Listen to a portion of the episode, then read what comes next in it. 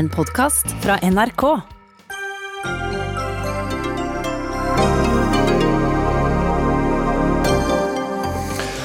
Arbeidsledighetskøen vokser, konkursfrykten hos bedriftene vokser. Og det gjør også antall krisepakker fra regjeringen. I dag kom den tredje. Virker hjelpen, og virker den for de som trenger den mest? Og hva gjør opposisjonen med denne krisepakken? Banker de den gjennom raskt i Stortinget, eller skal de bruke god tid på å sette sitt stempel på den?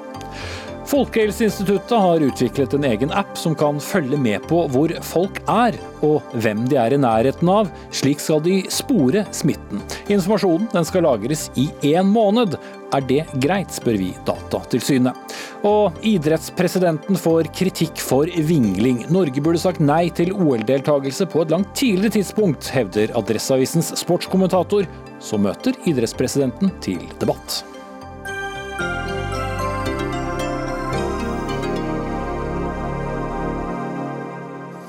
Ja, Da sier vi god kveld og velkommen til fredagens eh, Dagsnytt 18. Jeg heter Espen Aas. Så fikk eh, også næringslivet en kontantstøtte. Regjeringens eh, foreløpig siste krisepakke til næringslivet ble presentert i dag, og den skal hjelpe til med bl.a.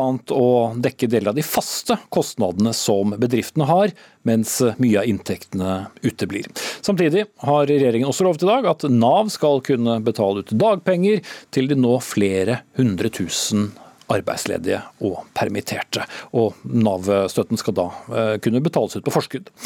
Og Man skal holde tungen rett i munnen for å navigere gjennom de forskjellige tiltakene. og Finansminister Jan Tore Sanner fra Høyre, så kort og, og konkret du kan, eh, hva endrer seg for norsk næringsliv med det som dere la frem i dag?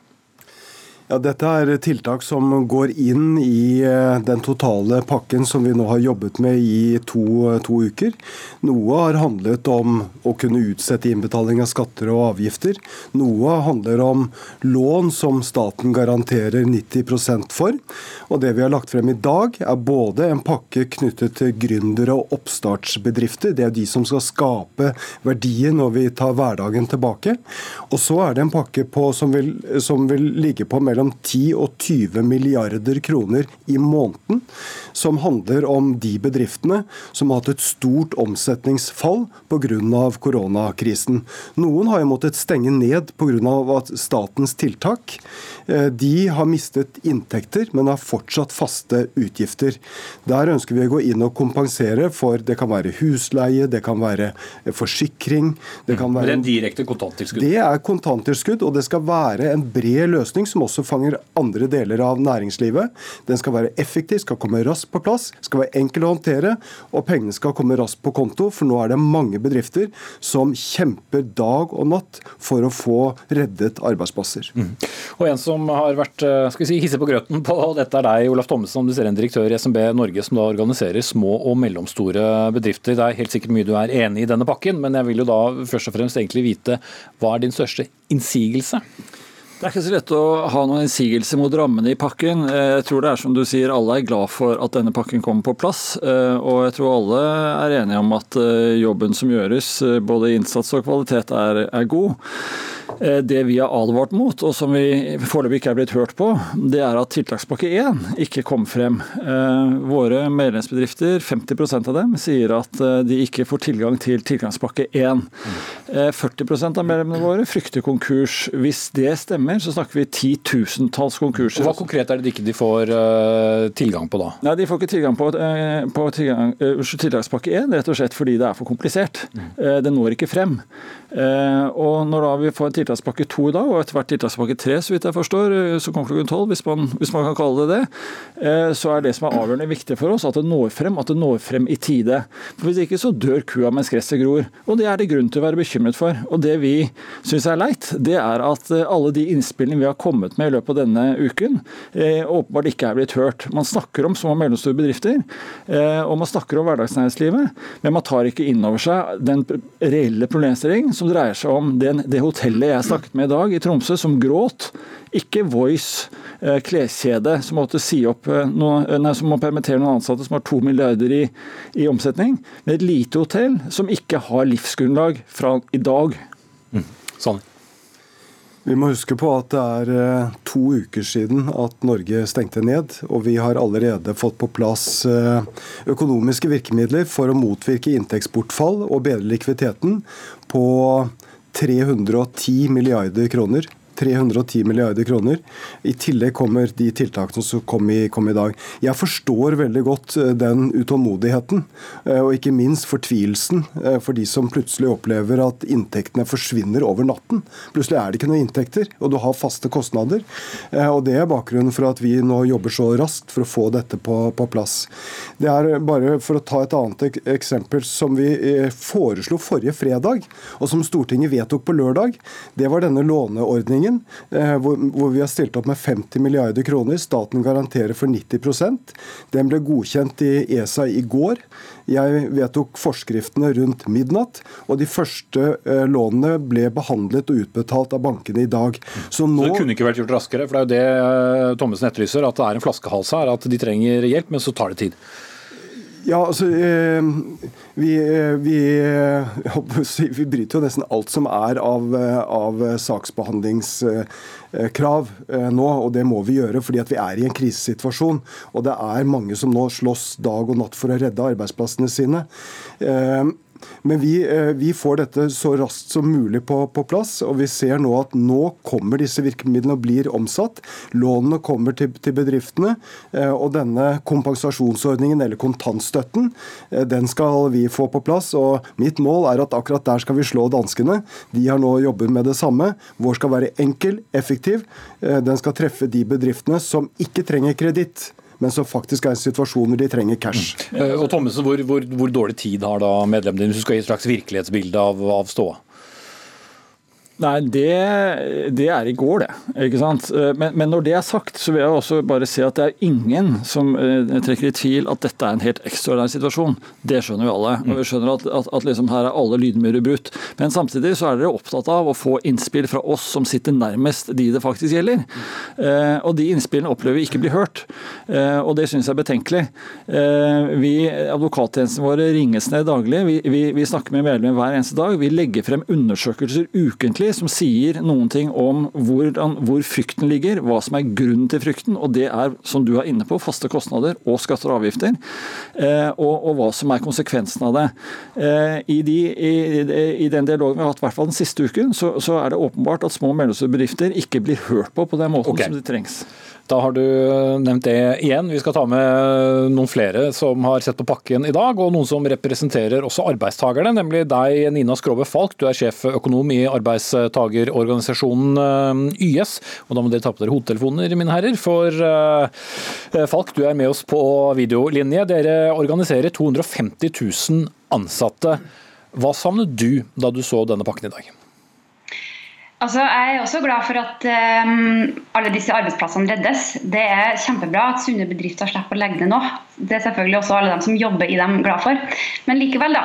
Um, jeg savner egentlig tiltak som ivaretar um, arbeidstakerne litt bedre framover.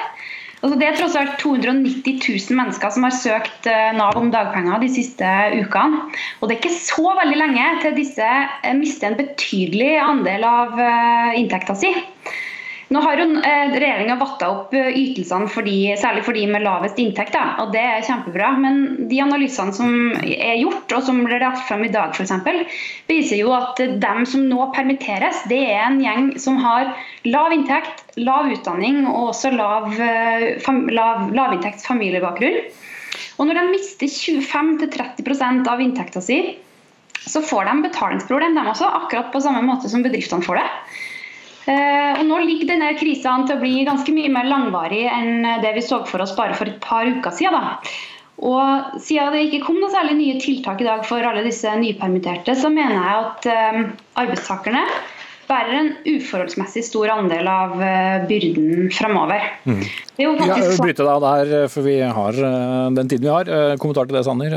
De arbeidstakerne som, som tjener minst og nå sliter enda mer. Det er eh, viktig at uh, disse tiltakene også bidrar til å skape trygghet for de som mister jobben, eller de som blir permittert, og også for de som må være hjemme for å passe på barn. Dette var jo noen av de tiltakene som også Stortinget og opposisjonen bidro til å forsterke og forbedre gjennom den behandlingen som ble gjort for, for knappe to, to, uker siden. Men vi, vi lytter jo til de innspillene vi får. Noe har blitt forbedret også i de forslagene vi fremmet i dag. Bl.a. at Nav kan betale ut dagpenger på forhånd, eh, og ikke vente på at søknaden er behandlet. Men De eh, tjener lite fra før, og så får de da 62,5% av det igjen i, i, i, dagpenger, mens eh, faste kostnader da blir de samme? Ja, På permitteringer så er det jo, er det jo, er det jo høyere. Og Der har man jo også bidratt til at det blir bedre kompensasjon enn det som har vært, vært tidligere. Mm. Thommessen, da jeg snakket med deg i formiddag, så snakket du også om at det kunne vært bra om folk kunne møtt på jobb, mens de også eh, fikk dagpenger. Hvordan henger dette sammen? Nei, Det tror jeg er et veldig, et veldig, godt forslag som vi har spilt inn og heller ikke blitt hørt på. Eh, vi har et helt økosystem, og spesielt oppstartsbedrifter, men også vanlige bedrifter. Eh, hvor det er viktig å holde hjulene i gang. Det er viktig å drive med innovasjon, utvikling, vedlikehold osv. Det man ikke, har man ikke tillatelse til i de permitteringsreglene som er i dag. Så det burde man bare få på plass med en gang. Det koster jo faktisk ikke noe mer penger. I tillegg så har vi foreslått et kompetansefunnordning, som gjør at staten kan gå inn og støtte kompetanseheving hos ansatte i permitteringstiden. Men bare for å ta det første, så Da skal folk få dagpenger som man får fordi man er eh, ledig, men likevel møte på jobb? Altså dette, jo, dette er ikke overalt dette trengs, og det er ikke overalt dette uh, er riktig. Uh, men enkelte steder er det riktig, og ikke minst i, i uh, ulike tidligfasebedrifter. Vi har et helt økosystem av bedrifter, innovasjonsbedrifter som har startet de siste ti årene, som står akkurat nå i fare for å falle fordi de ikke kommer over rullebanen. Mm. Akkurat for dem, og der tenker jeg på den gründerpakken som ble lansert først i går kveld og så klokken tolv i dag. Akkurat for dem så burde det være helt naturlig at man fikk lov til å jobbe i permitteringstiden med forskning og utvikling og annen type ting som gjør at bedriften står rustet når markedet kommer. Okay. Eh, kort kommentar på det, Falk? Jo, altså Hvis det foregår verdiskapning på arbeidsplassen, så er det jo feil at eh, staten skal ta den regninga. Da tenker jeg da bør eh, de ansatte få lønn i stedet for. For øvrig så er vi selvfølgelig også tilhengere av at eh, den tida her når økonomien vår ligger nede, blir brukt godt da, til kompetanseheving osv. Så, videre. så det at staten øker tilskuddsordningene for videreutdanning og oppskolering av arbeidsstyrken, er vi veldig tilhengere av. Mm. Skal ta med en fjerdeperson her nå, nemlig Ivar Hornland Christensen, som stadig er administrerende direktør i Virke. Dere organiserer da bedrifter innenfor handels- og tjenestenæringen. Dere har også presset på i denne saken. Sa på pressekonferansen i morges at dere har blitt hørt.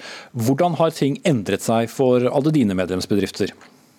Den pakken som nå ble lansert i dag morges, hvor vi da var sammen med regjeringen, NHO og Finans Norge, eh, det er jo den nødhjelpen, kontantstøtten, som bedriftene skal ha for å komme over krisen. Og Det er for å dekke de faste kostnadene, og vi er jo glad for at regjeringen nå legger opp til dette. og Så skal vi jobbe sammen om å få riktig innretning på det. Og Grunnen til det er at det våre medlemsbedrifter sier, både små og mellomstore, det er at eh, de må ha disse kontantene for å betale de faste utgiftene. Hvis ikke, så er det, kommer de til å gå konkurs. og Det er altså et jordskjelv som har truffet norsk økonomi. og Det er derfor vi må ha dette på plass nå, så raskt som vi kan. Mm. Flere eh, som representerer eh, arbeidstagere Christensen, har jo også nå sagt at de er nervøse for at det har blitt såpass billig for bedrifter å permittere at de frykter at bedriftene vil eh, benytte seg av det og, og, og permittere mer enn før fordi at bedriftene betaler mindre av regningen. Hva sier du til det? Da må jeg si det at eh, Alle disse bedriftslederne som jeg har snakket med gjennom eh, disse dagene her nå etter 12.3, som var en eh, bombe inn i norsk økonomi, så er det fortvila bedriftsledere som må gjøre det de kan for å redde bedriften. Og Vi må ha dugnad nå for å få dette til som samfunn. for ikke, Hvis ikke så har vi ikke arbeidsplasser når vi kan starte opp igjen. Så Jeg opplever at det er ansvarlige bedriftsledere som prøver å gjøre det de kan for å redde bedrifter. Redder vi bedrifter, så redder vi òg arbeidsplasser. og Da sørger vi òg for at skadene på norsk økonomi blir mindre. Mm. Regningen på hele dette, Sanne, går det an å altså Vi vet jo hvor lang tid det tar, men det går jo ut av milliarder på milliarder uh, hver eneste måned. Både i direkte støtte, men også da i forskjellige låntiltak. lånetiltak. Er vi sikre på at det er verdt det? Ja, jeg mener det. Eh, det er mye, mye, penger, men det vi må huske på, det er at vi er nå i en, i en krise som vi aldri har opplevd før. Og det rammer jo ikke bare Norge, det rammer hele verden. Eh, hvis Norge nå hadde avskaffet de smitteverntiltakene som er iverksatt, så ville vi allikevel opplevd eh, store, store utfordringer. Så vi må bekjempe eh, smitten og smittespredningen, og så må vi iverksette økonomiske tiltak. Min oppmerksomhet vil nå i økende grad handle om hvordan vi skal komme ut av denne situasjonen. Når vi skal ta hverdagen tilbake. Da må vi bidra til at de bedriftene som normalt sett vil være sunne og gode og skape nye arbeidsplasser, at de også er der når vi kommer ut av, ut av krisen. Eh, så Det er bakgrunnen for at vi nå jobber veldig tett sammen med organisasjonene, med Virke og NHO og også LO, som har vært også tett inne i denne prosessen. Det er nettopp fordi at jeg trenger å høre fra de som har skoene på, de som kjenner hverdagen i Bedrifts-Norge, slik at tiltakene treffer. Nå har vi vært inne i den akutte krisen. Da var det mer snakk om å, å sikre likviditet. Nå handler det også om å trygge soliditeten i bedriftene, slik at de også er der når vi tar hverdagen tilbake. Mm. Siste spørsmål da. Eh, men hva med tiltak alle det Thommessen eh, foreslo eh, i sted, det at folk som går på dagpenger, kan man kalle denne støtten for noe annet, og at de likevel går på jobb? Bedriften har ikke råd til å betale dem full lønn fordi de ikke har inntekter, men de kunne likevel trengt folkene for å forberede livet etter koronakrisen. Dette er, jo, dette er, jo, ordninger, Vi må jo forholde oss til, til, regelverket. og Når du permitterer, så er det jo fordi at det ikke er arbeid. Det er jo fordi at det ikke er arbeid at du permitterer eh, ansatte. Vi har nå også gjort permitteringsregelverket mer fleksibelt, slik at du kan permittere f.eks. 40 eh, Da vil det være en mulighet til å kombinere eh, arbeid og det å, å, å være, være, permittert. Men det jeg er veldig enig med Thommessen i, og også som YS var inne på, det er at vi må også bruke denne tiden til kompetanseheving. Eh, og Derfor så fikk vi allerede på plass for en ukes tid siden eh, økte midler til bedriftsintern opplæring. og Det handler jo nettopp om at vi må styrke kompetansen, slik at vi kan også komme styrket ut eh, over litt tid. Mm. Da må jeg sette strek for denne delen av diskusjonen rundt pakken. Jan Tore Sanner blir sittende, men jeg takker av Olaf Thommessen fra SMB Norge, Ivar Hornland Christensen fra Virke og Nina Skrove Falk, sjeføkonom i arbeidstakerorganisasjonen YS. Dagsnytt 18 alle hverdager kl 18.00 på NRK P2 og NRK2. For som tidligere, så, med de tidligere pakkene, så er jo da dette et forslag fra regjeringen.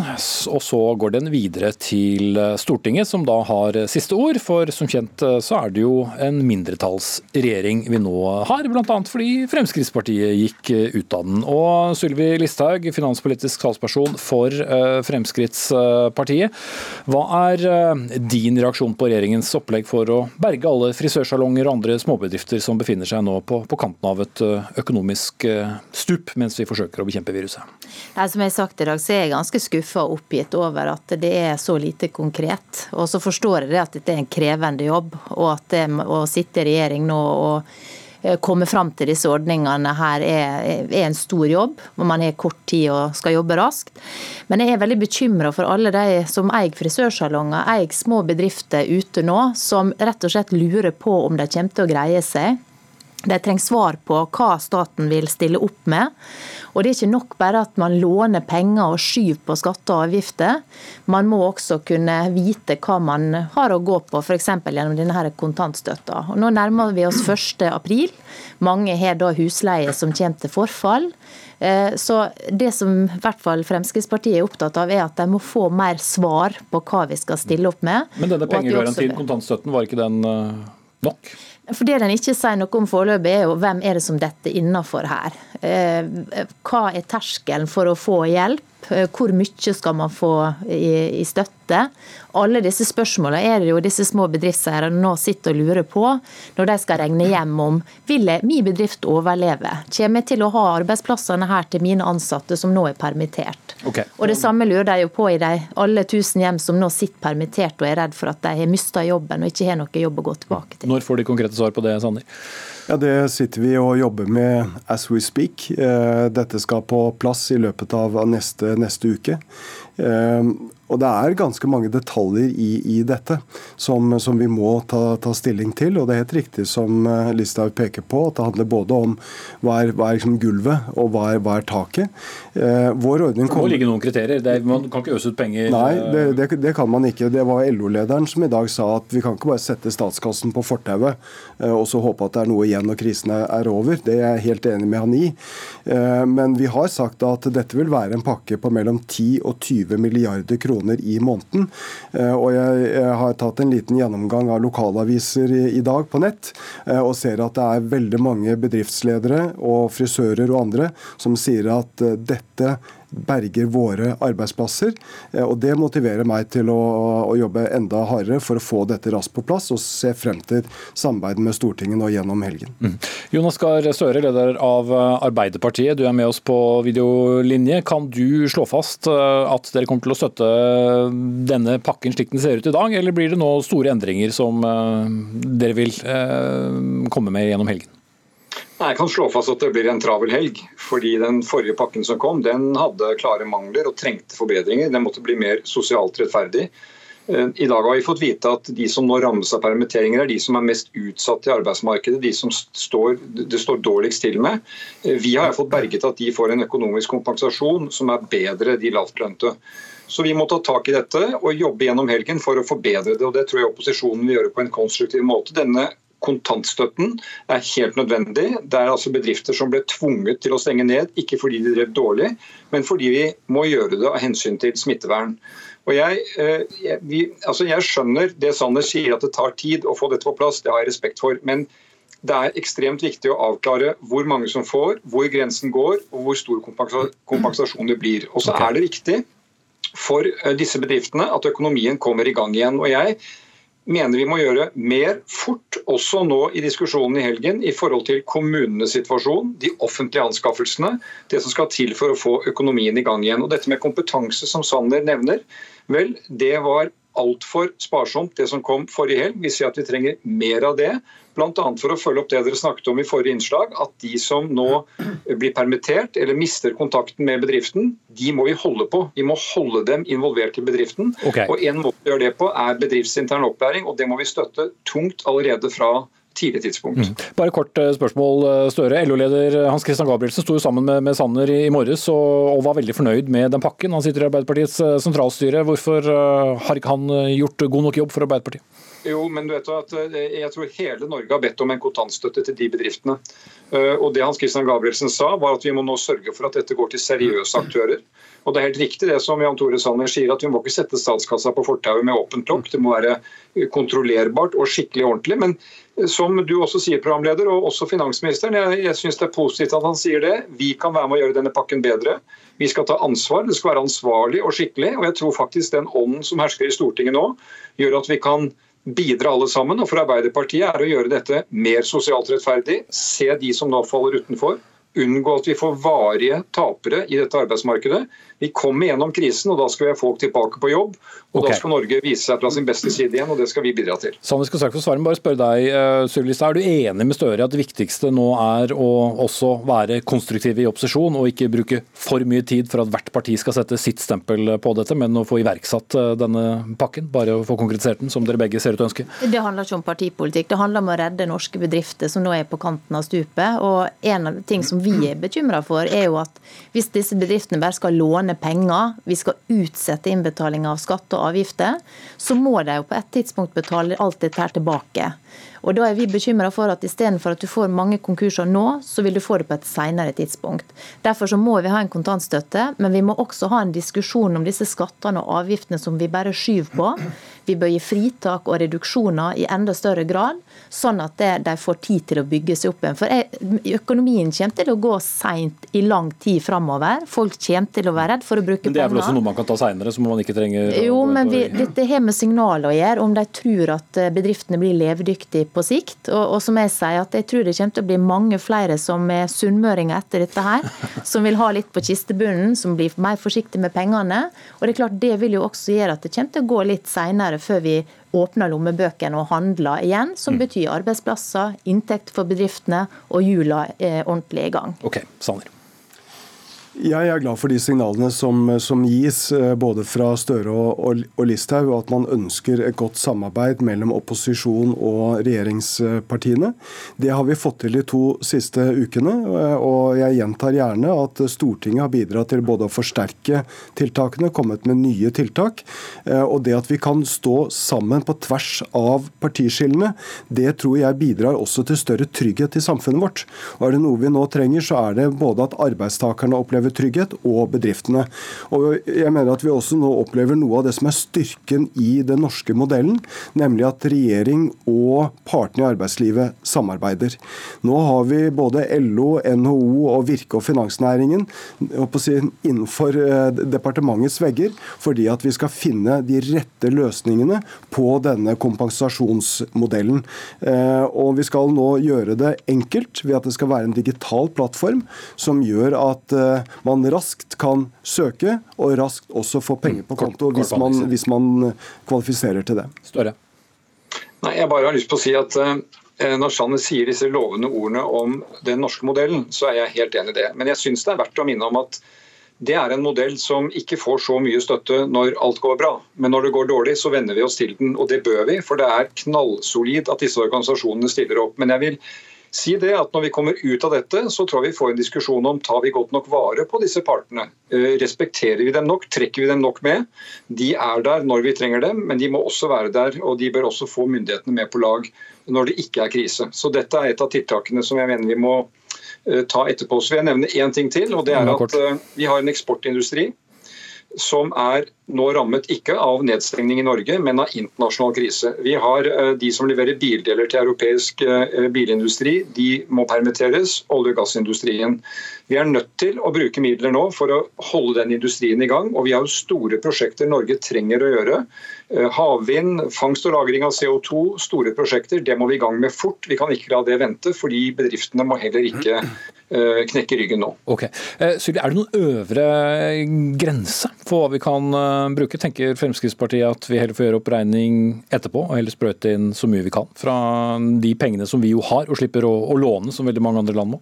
Vi må bruke penger nå for å komme oss over kneika. Bringe Norge gjennom den verste krisa i fredstid innenfor økonomien, som i hvert fall vi som lever i dag kan, kan huske, mange av oss. Eh, og det er klart at det, Industrien er vi også veldig bekymra for. for det er klart at Hvis verft f.eks. går over ende, så er det utrolig mange underleverandører av, under deg, som leverer inn til deg, som vil gå med i dragsuget. Og det er noe helt annet å få åpne opp et verft som stenger enn å åpne opp en blomsterbutikk. Så vi er opptatt av olje- og gassnæringa, at vi må se på skatteregimet der. Gjør tilpasninger nå, slik at vi får hjula i gang. Mm. For det vil bety enormt for Norge. På, på, på, veldig lang tid. Men den svinger, ja. og det har den alltid gjort, og det kommer den alltid til å gjøre. Men den kommer jo samtidig med koronakrisen, og det øker jo da uansett uh, problemene, også våre. For vi får jo mindre penger inn, mens vi også skuffer uh, penger ut. Men hva tenker du, uh, Jan Tore Sanner, er det en øvre grense? Altså, er det et regnestykke som dine regneglade folk i Finansdepartementet også har? For innvirkningen på økonomien her vet vi jo ikke. Nei, og dette handler jo ikke om å bruke mest mulig penger. Det handler om å trygge jobber, og det handler om at tiltakene må være målrettet, og de må være avgrenset tid. Derfor er vi veldig tydelige på å sette tidspunktet for når disse tiltakene også skal avvikles. Eh, vi blir testet på hvordan vi håndterer eh, den akutte krisen, men vi kommer også til å bli testet på hvordan vi vender tilbake til hverdagen. Da må en del av disse tiltakene trappes ned igjen. Vi er fortsatt i den perioden hvor, eh, hvor, vi ikke skal ha så veldig mye bevegelse, rett og slett fordi at vi skal begrense smitten. Eh, vi har kalt det fase to, som vi er inne i nå.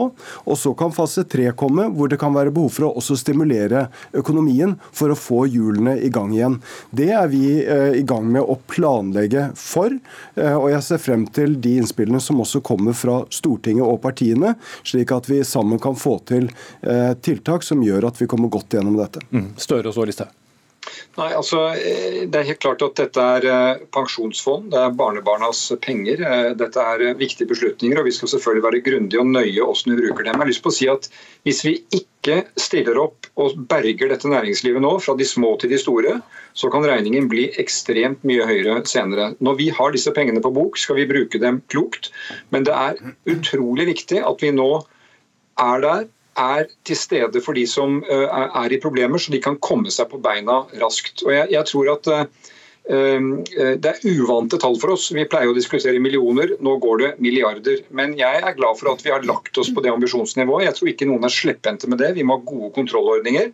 Men det handler nå om å se den krisen og unngå at vi brekker ryggen. Og det har jeg veldig håp at vi kan få til sammen eh, i Stortinget når de skal behandle disse pakkene. Mm. Lise, hvor, eh, hva slags tidsforløp ser dere for dere når dere nå skal begynne på denne pakken? Nei, Vi må jo nå jobbe i ekspressfart i løpet av helga, gjøre den mye mer konkret. Stramme stramme den opp kraftig, sånn som vi gjorde også med den første pakken. Eh, og Det viktigste nå er å holde hjulene i gang der vi kan holde dem i gang. Da er det viktig at kommunene og det offentlige nå setter i gang prosjekt som vi har klart. Eh, eh, bruker håndverkerne som vi hørte regjeringa oppfordra til. fordi at mange av oss privatpersoner vil jo nå holde igjen og kanskje utsette oppussing og de investeringene som vi skal gjøre. og Da er det viktig at hvert fall det offentlige bidrar til å holde hjulene i gang i privat sektor der vi kan etterspørre etterspørre varer og tjenester. Og Det er et viktig signal å gi ut til kommunene. Nå må dere ikke sette på bremsen på det, men dere må fortsette å gjennomføre det dere har planlagt. Og kanskje må vi også stimulere med enda mer penger for å få pussa opp sykehjem, pussa opp skoler og mye av det som nå har råtna på rot, og som vi kan bruke denne muligheten til å få rydda opp i.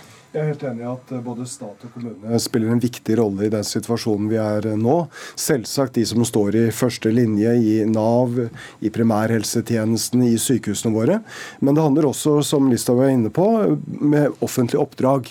Eh, vi har bl.a. i dag gitt et veldig tydelig beskjed om at staten ikke skal vente til forfall, siste forfall med å betale pengene til, til private bedrifter, men prøve å få det frem tidligere. Det kan også bidra til at eh, bedrifter som da gir, eh, opp, har oppdrag for staten, at de raskere også får, eh, får, penger som gjør at de kan holde hjulene i gang. Mm. Da skal jeg slippe dere ut av studio, Alvan, og da skal i hvert fall Syv Listhaug og Jonas Gahr Støre fra henholdsvis Fremskrittspartiet og Arbeiderpartiet gå i gang med sitt arbeid. Og så får Jan Tore Sanner, finansminister fra Høyre, og resten av regjeringen se resultatet av det, forhåpentligvis om ikke så lang tid.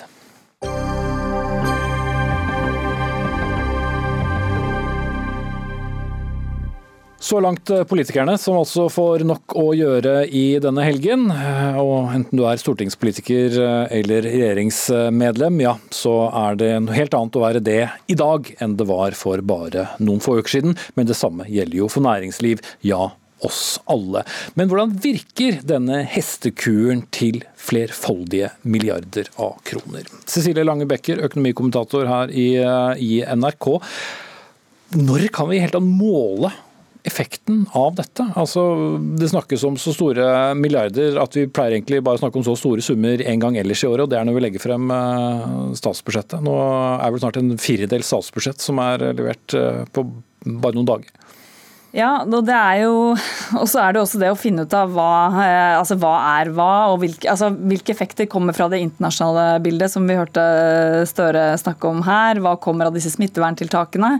Sånn dette, dette, kommer til å trekke langt ut i tid. og Svaret på hvor, hvor, bra det fungerer, det er jo vanskelig å si. Men det er jo sånn at um, det, er, det, kommer jo ikke til å fungere for alle disse tiltakene her. og Det er jo en del arbeidsplasser som kommer til å gå tapt uh, uansett. og Sanner også, han har jo veldig fokus på dette med uh, sunne og gode bedrifter at det er de man skal hjelpe. og Det har også Erna Solberg vært inne på før, at, eh, de, at, det er en del bedrifter som var ulønnsomme før denne krisen, og de kanskje ikke kommer til å overleve. sånn at eh, Vi må være forberedt på at en del arbeidsplasser går tapt, men at forhåpentligvis så vil disse pakkene være nok til å redde da, de som er i utgangspunktet sunne og gode, som da trenger hjelp til å komme seg gjennom denne krisen. Mm. Argumentasjonen fra regjeringen er jo det er mye dyrere å la være, og det er kanskje vanskelig å motsi det. Fordelen vår er kanskje at vi, vi har i hvert fall pengene til å, å stimulere det.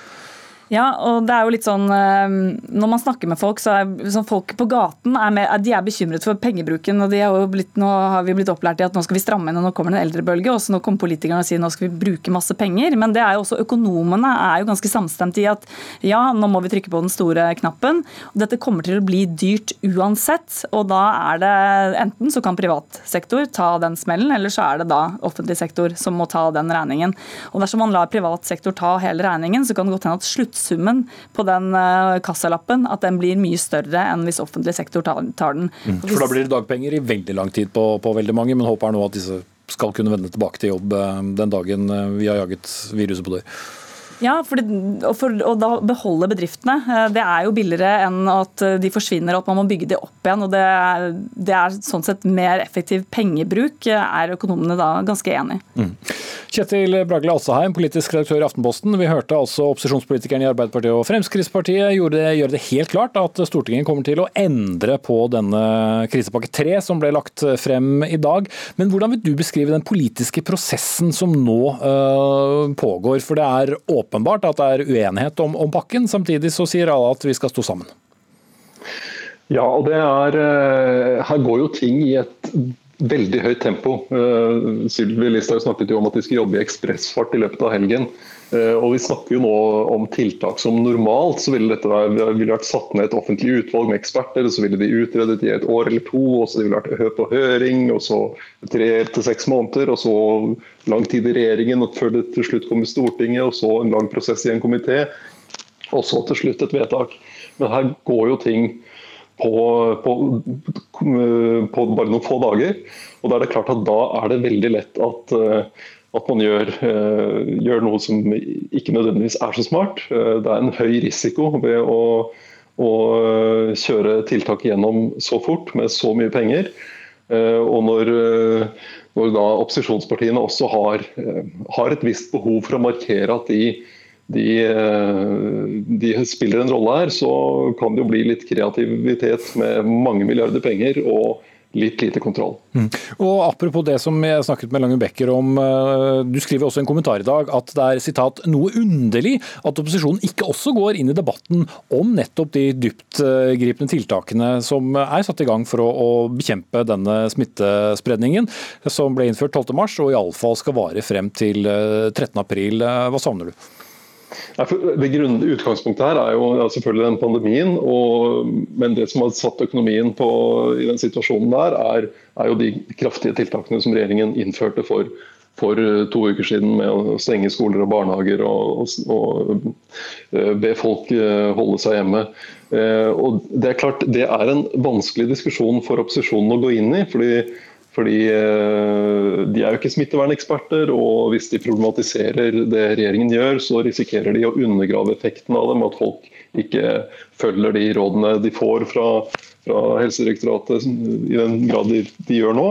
Og det vil de jo ikke gjøre. Eh, samtidig så er det jo eh, ikke bare smittevernfaglige vurderinger som ligger her. Det er jo et politisk skjønn fra regjeringens side også. F.eks når det gjelder det å stenge skoler og barnehager. Og også dette hytteforbudet som er omdiskutert. og det, det at du ikke har en politisk debatt om det, jo, den går jo i samfunnet. og det er, eh, det er forståelig at opposisjonspartiene er litt forsiktige. men eh, men eh, det vil jo vært på sin plass at de og Stortinget også var en arena for å ta opp de sidene, og stille de spørsmålene og ettergå hvilke vurderinger regjeringen faktisk har gjort. Det er en del av Stortingets kontrolloppgave. Mm. Men hva er da svaret på hvorfor de ikke gjør det? At ikke de tør? Ja, Det er jo fordi det er, det er vanskelig. Det, det, er, eh, det, er, eh, det er noe av dette som ligger hos, det ligger jo hos regjeringen gjennom smittevernlovgivningen, så regjeringen kan gjøre det. Eh, og så er det jo, som en, en politiker sa til meg, jeg er jo ingen smittevernekspert. så det er det er vanskelige debatter å gå inn i. Det er lettere å si nå må vi bruke enda mer penger, for det er jo det opposisjonen pleier å si. Mm. Eh, Lange Becker, Tiltakene som regjeringen så langt har satt i verk, eh, motvirker altså inntektsbortfall hos bedrifter og privatpersoner, og en sånn slags, slags foreløpig eh, prislapp er 310 milliarder kroner. Når så mye penger sprøytes inn på så kort tid og hentes da ut av dette store fondet, når tror du debatten virkelig kommer til å gjøre seg gjeldende? Altså Har regjeringen dårlig tid? Er det sånn at økonomer nå vil se litt resultater? Jeg, altså, når jeg snakker med mange økonomer og jeg har stilt akkurat disse spørsmålene, men er det ikke veldig mye penger, er det ingen som blir bekymret? Og, og alle sier at eh, nei, det blir dyrere hvis vi lar privat sektor ta smellen. Men den store politiske diskusjonen vil vel komme når, eh, når eh, vi skal trekke tilbake disse tiltakene. For hva skal vi trekke tilbake av de økonomiske tiltakene? Hvem er det vi skal slutte å hjelpe først? Da, det kommer til å bli det vanskelige. og Man merker også at regjeringen nå er veldig, sånn, de er veldig nøye nøye på at dette er midlertidig. Vi har klare strategier på å komme oss ut av dette her. Men det skal nok bli vanskelig. Hva, hva, er, rikt, hva er, en riktig sats for dagpenger f.eks.? Skal vi trekke tilbake den? Når, når, er det, når, er det, greit igjen? Når er det økonomien fungerer så bra? Det kan godt hende at det er flere år til. Mm. Det som er helt sikkert er at det ikke vil være noe tidspunkt som alle er enige om at er det riktige. Takk skal du ha, Cecilie Langen Becker, økonomikommentator her i NRK, og Kjetil Bragli Asseheim, politisk redaktør i Aftenposten, med oss på linje.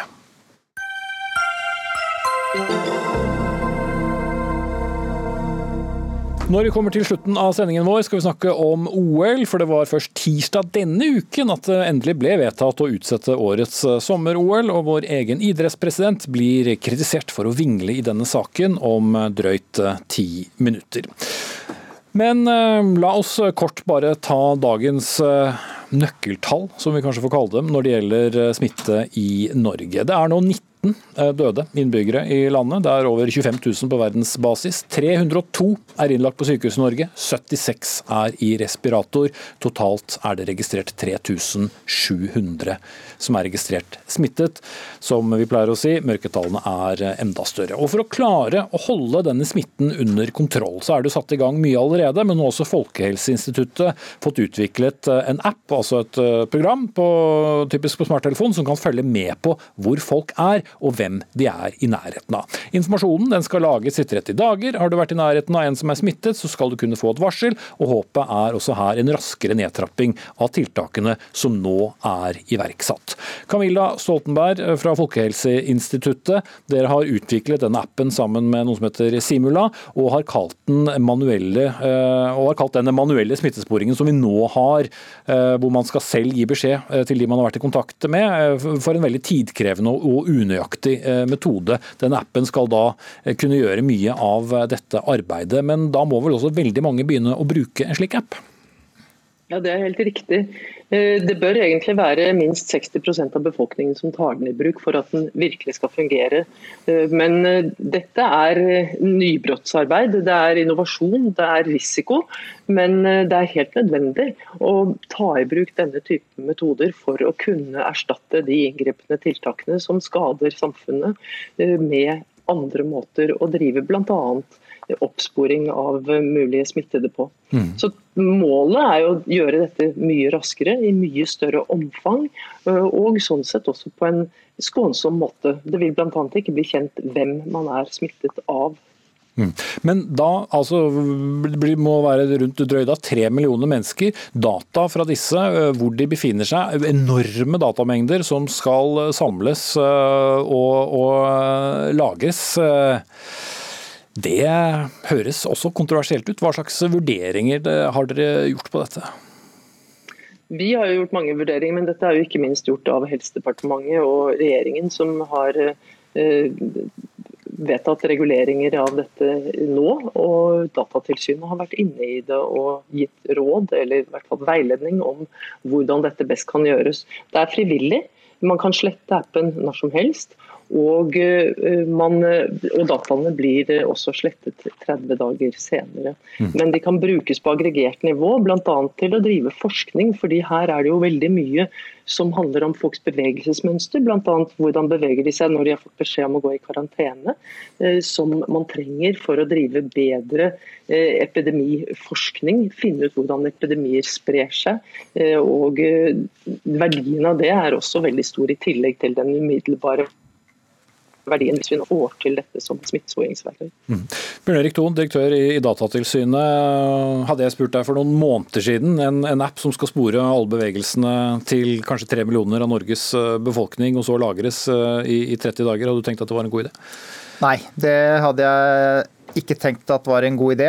Og eh, jeg er også helt sikker på at hvis vi hadde spurt Folkehelseinstituttet eller Helse- og omsorgsdepartementet om det var en god idé, så ville de også sagt nei til det.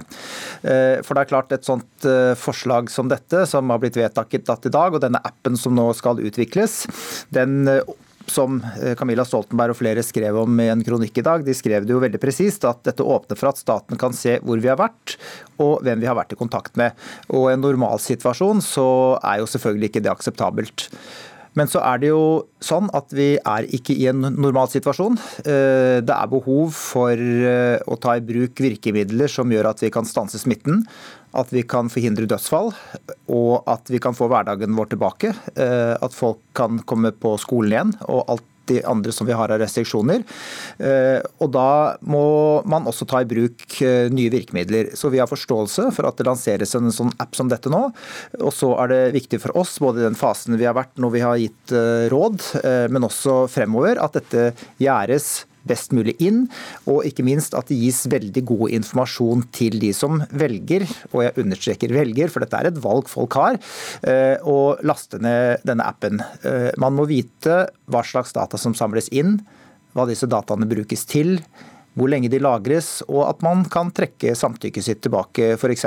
Mm. Når det settes i gang eh, ekstraordinære tiltak i, i fredstid, så er jo alltid argumentet at eh, ok, dette kan være kontroversielt, men det er til alles eh, beste. Og jeg skal ikke dra for mange historiske paralleller, for det blir flåsete fordi at det er en, eh, en veldig spesiell uh, situasjon. Men det er jo et argument som myndigheter nesten alltid kan bruke. Også når det gjelder å overvåke befolkningen. Har du ikke gjort noe galt, så mm-hmm. skal du ikke være redd for noe osv. Men det er jo sånn at personvern Eh, og alle andre spørsmål som er litt av de ideelle verdiene, eh, de lever jo ikke i et vakuum.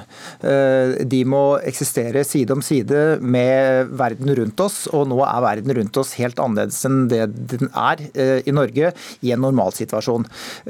Og det er viktig, selv om vi nå er i denne situasjonen, at vi tenke på hvordan dette skal reguleres når denne koronaperioden forhåpentligvis snart er over og vi kan vende tilbake til livet vårt. At disse dataene slettes, eh, at det blir gjort en evaluering kanskje av hvordan dette har fungert. Eh, og som sagt også at man hele tiden har for øye at man ikke skal gjøre større inngrep i befolkningens privatliv enn det man trenger for å oppnå formålet, som i dette tilfellet er eh, smittesporing. Mm. Men eh, når du trenger så mange Camilla Stoltenberg, for at dataene skal eh, være brukbare, så må jo da eh, oppfordringen være så mange som mulig bør installere den. Ja, det er frivillig.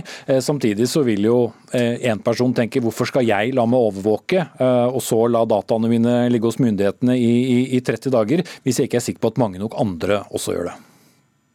Jeg tror at eh, folk vil forstå dette veldig godt. Og, vi vil jo selvfølgelig jobbe for å forklare eh, hvordan det brukes og hvordan dataene beskyttes. Eh, så jeg har håp om at veldig mange vil være interessert i det. Så må vi også huske på at dette er under utvikling. Eh, det vil bli en lansering om ikke så lenge. Eh, vi ser at eh, Storbritannia og Island er omtrent i samme fase som oss, og vi vil ha tett kontakt med dem også om hvordan de løser de personvernutfordringene, og hvordan de løser utfordringene, de praktiske utfordringene som ikke er løst ennå.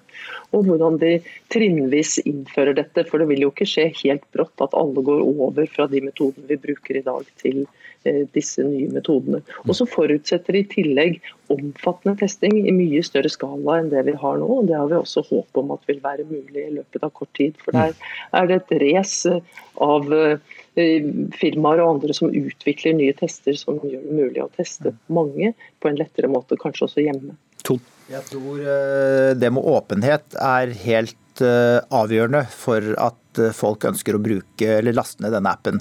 For når man er åpne, både om de dilemmaene vi står i akkurat nå, og de dilemmaene som er her mellom personvern og andre hensyn, eh, så bidrar det til å skape tillit, og da er det flere som vil ta den i bruk. Og jeg tror at eh, ja, helsemyndighetene har vært veldig åpne på dilemmaene som er i de tiltakene som de har iverksatt nå, og at man ikke er helt sikker på hva som fungerer. Det er til på mange måter nybrottsarbeid mye av det som skjer nå. Og fra et personvernståsted så er jo også dette nybrottsarbeid. Uh, den forrige pandemien som jo var en helt annen skala enn den som er nå, den var i 2009.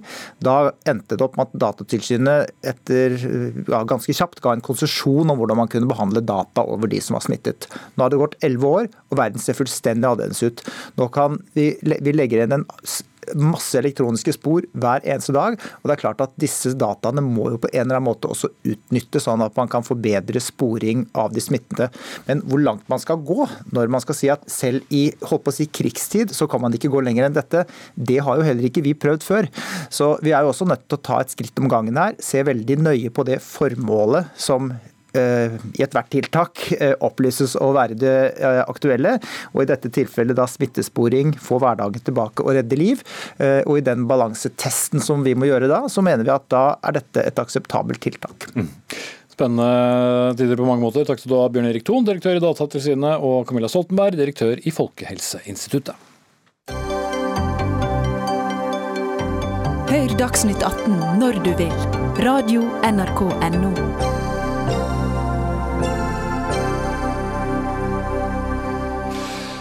Tirsdag ble det altså klart. Viruspandemien tvang den japanske arrangøren og ikke minst Den internasjonale olympiske komité, IOC, til å utsette OL i Tokyo. Lekene ble utsatt etter et eh, massivt press, får vi vel si, og det er første gangen i historien at eh, et OL blir utsatt på denne måten. Birger Løfaldli, du er sportskommentator i Adresseavisen og med oss eh, fra Trondheim. Du har i flere sammenhenger vært, skrevet at du har vært lite imponert over den nye idrettspresidenten Berit Kjøll. Eh, og i eh, denne saken så skrev du at hun sviktet da det gjaldt som aller mest. Men noen særlig lett avgjørelse for noen kan det jo neppe ha vært å avgjøre utsettelse av OL heller? Ingen lett avgjørelse, men eh, samtidig så er det her en sak som er større enn eh, norsk idrett. Eh, det er savna først og fremst det er tydelighet. Et tydelig standpunkt på et tidligere tidspunkt fra den norske idrettsledelsen, ikke bare overfor IOC og utlandet, men òg overfor det norske samfunnet, for å vise at akkurat nå, og sannsynligvis i en god stund fremover, så er det én ting som er viktigere enn alt annet. Det er kampen mot viruset og den dugnaden som myndighetene har lagt opp til.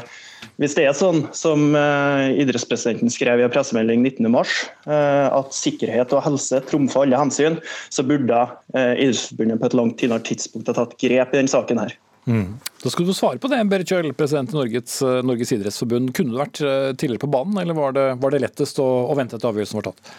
Jeg må bare bekrefte det som blir sagt, at fra vår, vårt ståsted så er det sikkerhet og helse som trumfer alle andre hensyn. Og hele idrettsbevegelsen nå bretter opp armene og er med på den dugnaden som vi har nasjonalt. Når det gjelder OL, så har disse to siste ukene har jo preget OL-debatten, ja, men også det hvordan vi skal redde vår egen idrettsorganisasjon. Og I forhold til OL-prosessen så har jeg brukt mye tid som idrettspresident og sett meg godt inn i de tunge og alvorlige prosessene som har vært drevet fra japanske myndigheter, Tokyo-myndighetene, Verdens helseorganisasjon og IOC. Og, jeg, og Der har jeg hatt stor tillit til at de prosessene som har vært kjørt der, har vi lent oss veldig på i forhold til å ta et tydelig standpunkt, som vi gjorde veldig tidlig. Vi var første nasjon ute av 206 land forrige fredag ved å sende et brev, et bekymringsbrev til IOC med å be om at lekene ikke ble gjennomført. Mm, men var da pandemien... først du var helt sikker på at det var eh, riktigst? Nei, eh? ja, nå skal du høre når jeg får snakke. Ja, jeg vet det, men jeg må få lov å fortelle dette, for jeg har jo sett disse kommentatorene som eh, kommenterer dette. Men vi må ha respekt for disse store prosessene. Når Verdens helseorganisasjon sitter i førersetet på denne prosessen, så har jeg tillit her fra Norges ståsted. Vi var den første nasjonen ute og var tydelig på at vi ikke ønsket at disse lekene skulle gjennomføres, og ba om at de ikke ble gjennomført, gitt at pandemien ikke var under kontroll. Det kom vi å se tilbake på, og sa, og vi ba også om en tidsfrist. De kom tilbake på søndag og sa om fire uker skulle de lande. De landet det på da, to dager senere, og da var vi også helt med og var veldig glad for den beslutningen som kom der. Kunne Norge vært raskere enn å være først, Løfaldli? Ja, det er jo akkurat det. og Jeg blir jo litt usikker på hvor idrettspresidenten og toppene i norsk idrett egentlig står hen. Eh, hvis vi tar det her litt kronologisk. For to uker siden, fredag 13. mars, eh, så gikk eh, en av de fremste forbildene i norsk idrett, Johannes Klæbo, som har et veldig tydelig verdiståsted, veldig hardt ut mot, mot Internasjonale Skiforbundet, og mente at de avblåste v-cupfinalen i langrenn for sent. Han mente det var flaut, det som FIS gjorde. og Han viste til samfunnsdugnaden, og at, det ikke var, at man ikke måtte ta unødvendig smitterisiko. Da. Eh, det var altså for 14 dager siden. og Så gikk det flere dager, krisen eskalerte, og uka etterpå så var det ikke noe tvil om alvorlighetsgraden i det her. Og Så kom da torsdag 19.3, da eh, pressemeldinga fra Kjøll ble sendt ut om at sikkerhet og helse trumfa alle andre hensyn. Eh, hvis det var sånn at det faktisk At dere faktisk mente det. Hvordan kan, kunne da Kjøll og idrettsledelsen forsvare å følge IOC, som fortsatt Eh, ønsker å gjennomføre OL som planlagt. Altså her, det her stusser jeg kraftig på. Ja, det, forstår eh, jeg. det forstår jeg at du stusser på, for du sitter da som reporter. Jeg sitter da og har en full innsikt i disse tunge prosessene. Og vi var, som jeg sier, første nasjonen av 206 land i verden ute og sa at vi ikke ønsket at OL skulle gjennomføres, gitt at pandemien ikke var under kontroll. Hvilket nå har skjedd, at de har utsatt det. Men det var det siste store idrettsarrangementet omtrent i hele verden som, eh, som, ble utsatt også? Jo, men Det stemmer. Men hvis du hadde hatt den innsikten jeg har, og det er vanskelig å formidle, så er det altså et gigantarrangement med, eh, med så mange eh, avtaler inngått. Det er 80 000 frivillige. Det skal arrangeres i verdens største by med 38 millioner mennesker. Og det er 45 000 hotellavtaler tegnet. Det er en rekke ting Så økonomien som, nei, var viktigere enn helse? Jeg visste at du ville komme med det.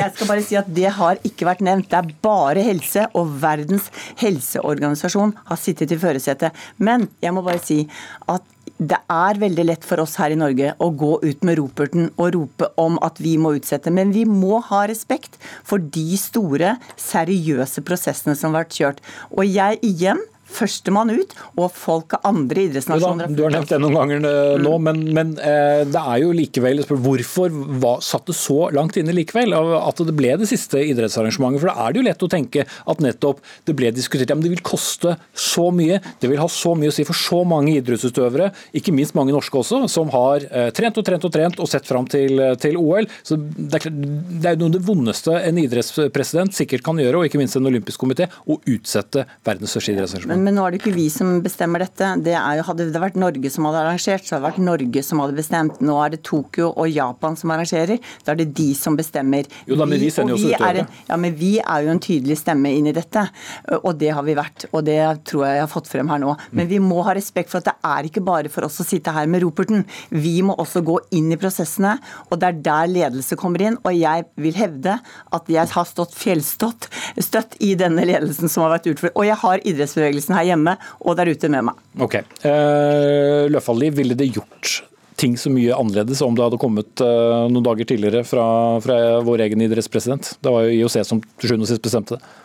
En ting er jo målet ble utsatt til eh, tidligere, det, det, er jo en ting. Et annet er jo signalet som blir sendt ut, og her nasjonalt. da, eh, I stedet for å eh, komme med et klart signal den torsdagen, så eh, la eh, norsk idrett fortsatt opp til at eh, norske utøvere skulle for, forberede seg eh, for fullt til OL. De eh, sørga til og med for at Olympiatoppen ble åpna for 25 eh, av de største medaljekandidatene, eh, mens all organisert idrett var stengt for landets befolkning. Jeg tror jo et sånt grep kan virke litt mot det myndighetene la opp til. Er det sånn som skaper en eh, god moral for dugnaden. Eh, F.eks. hvilke refleksjoner gjorde Kjøll og idrettsstyret rundt akkurat det? Jo, men Det kan jeg si der, for det ble veldig tidlig avklart. 12.3, når pålegget kom om at all idrett skulle opphøre, så tok vi kontakt med lokale helsemyndigheter for å sjekke ut om dette ville være innenfor,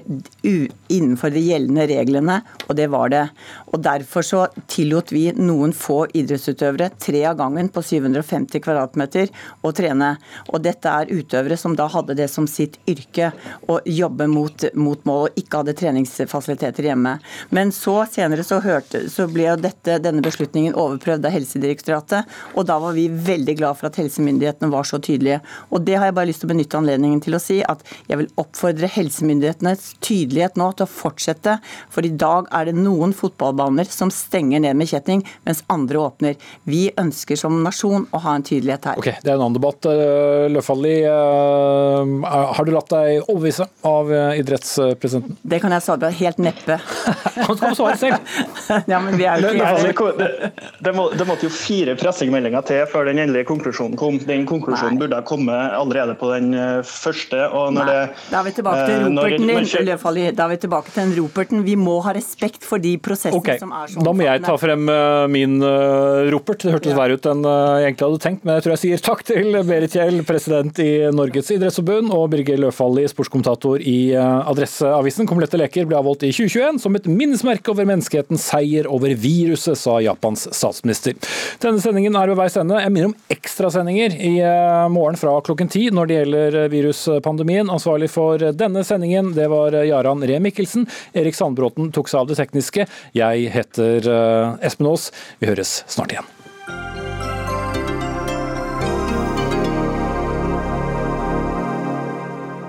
Du har hørt en podkast fra NRK.